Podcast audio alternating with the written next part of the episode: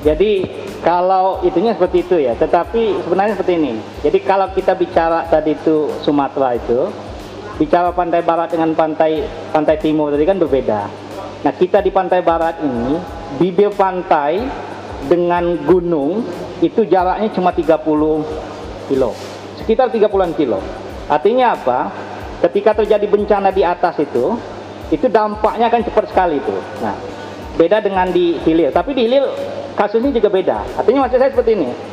Ketika terjadi perubahan di tingkat hulu, tapi harus diukur ya seberapa besarnya itu, maka kemampuan vegetasi itu meregulasi atau mengatur siklus air segala macam seperti itu tuh sangat terganggu. Jadi apa? Yang tadi itu mestinya jadi dia itu meregulasi. Jadi ketika kemampuan meregulasinya itu berubah, keseimbangan bisa berubah. Artinya yang kita dapatkan seperti Pak Anang sampaikan tadi itu 2020 kemungkinan 2021 juga Pak Anang ya. Curah hujan kita itu mungkin tetap sama. Kita bulan basah kita itu tinggi sekali. Jadi mungkin bisa 400-an kalau bulan basah Pak Anang ya 400-an milimeter curah hujan. Tetapi kalau curah hujannya itu setiap maksudnya kumpulan dari sebulan itu tapi ada 15 atau 20 hari yang hujan, dikit-dikit.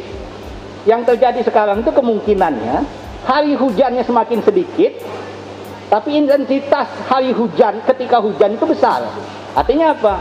Ketika datang grup seperti itu, hujannya besar, kemampuan vegetasi meregulasi itu semakin berkurang.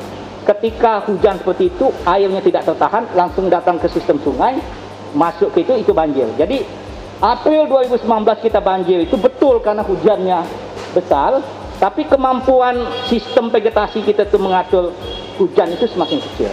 Jadi sehingga dia datangnya cepat sekali. Nah, seperti itu. Jadi seperti itu. Ya.